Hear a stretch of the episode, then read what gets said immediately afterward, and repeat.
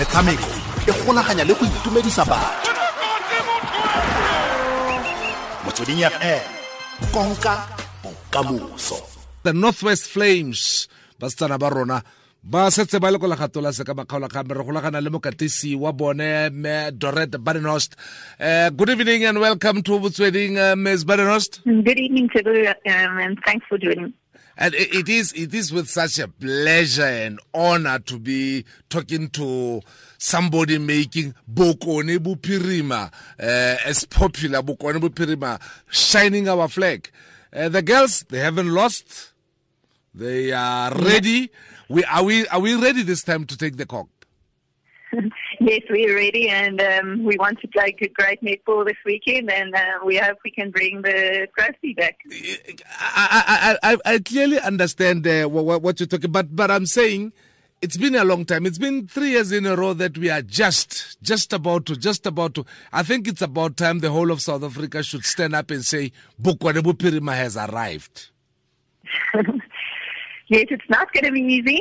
Um, it's tough out there. The semi-finals will be for great teams, but um, we will make um, um, the Northwest Province really proud, and um, we're really going to go full out and play our best netball that we can play. How did you achieve this the magnitude of this feat? Because you are there with the Gauteng Jaguars. You both of you are waiting for the semi-finalists, semi-finals that will be taking part in Durban this weekend. How did you guys just achieve this great in the might of the Western Province, the Mpumalangas, the North, the, the Free State of this country? That's really hard work. The um, ladies are really training um, very hard throughout the week, and um, yeah, it's a, a matter of a really team spirit. They play for each other. It's um, not really names out there, but um, they really play for each other. They work um, hard, and um, yeah, and I think it's just a combination of um, enjoying the game and working hard throughout the week um, as a team, and teamwork, and um, yeah, and I think at the end of the day, we surprised a lot of people um, playing in the semi-finals. And what, what a combination! You you either going to play the Stings or the Stars in the semi-final.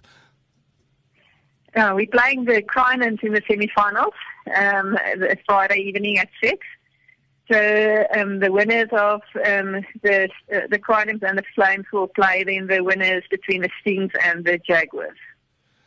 Uh, are you how confident? How confident should we all Northwesters be rallying behind you guys as you reach the final?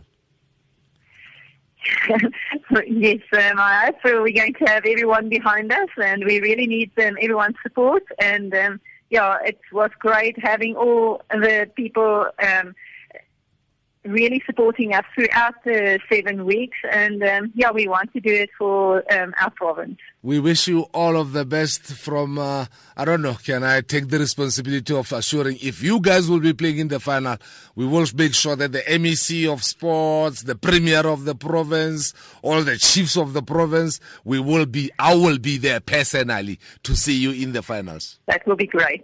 And just to go and touch the trophy and say, this is the, not the trophy that goes to Northwest.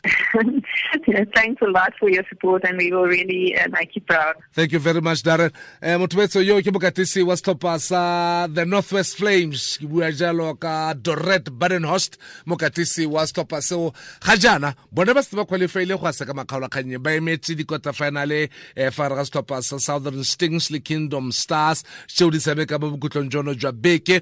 Me mafenyi mo setlhopheng seo tla ba thulana le the northwest flames. Ga ba ise ba latlhegelwe mo metshamekong ya bone ba tshamekile metshameko kana ba feditse metshameko ba feditse ba le ko godimo ga group ya bone ka 17 points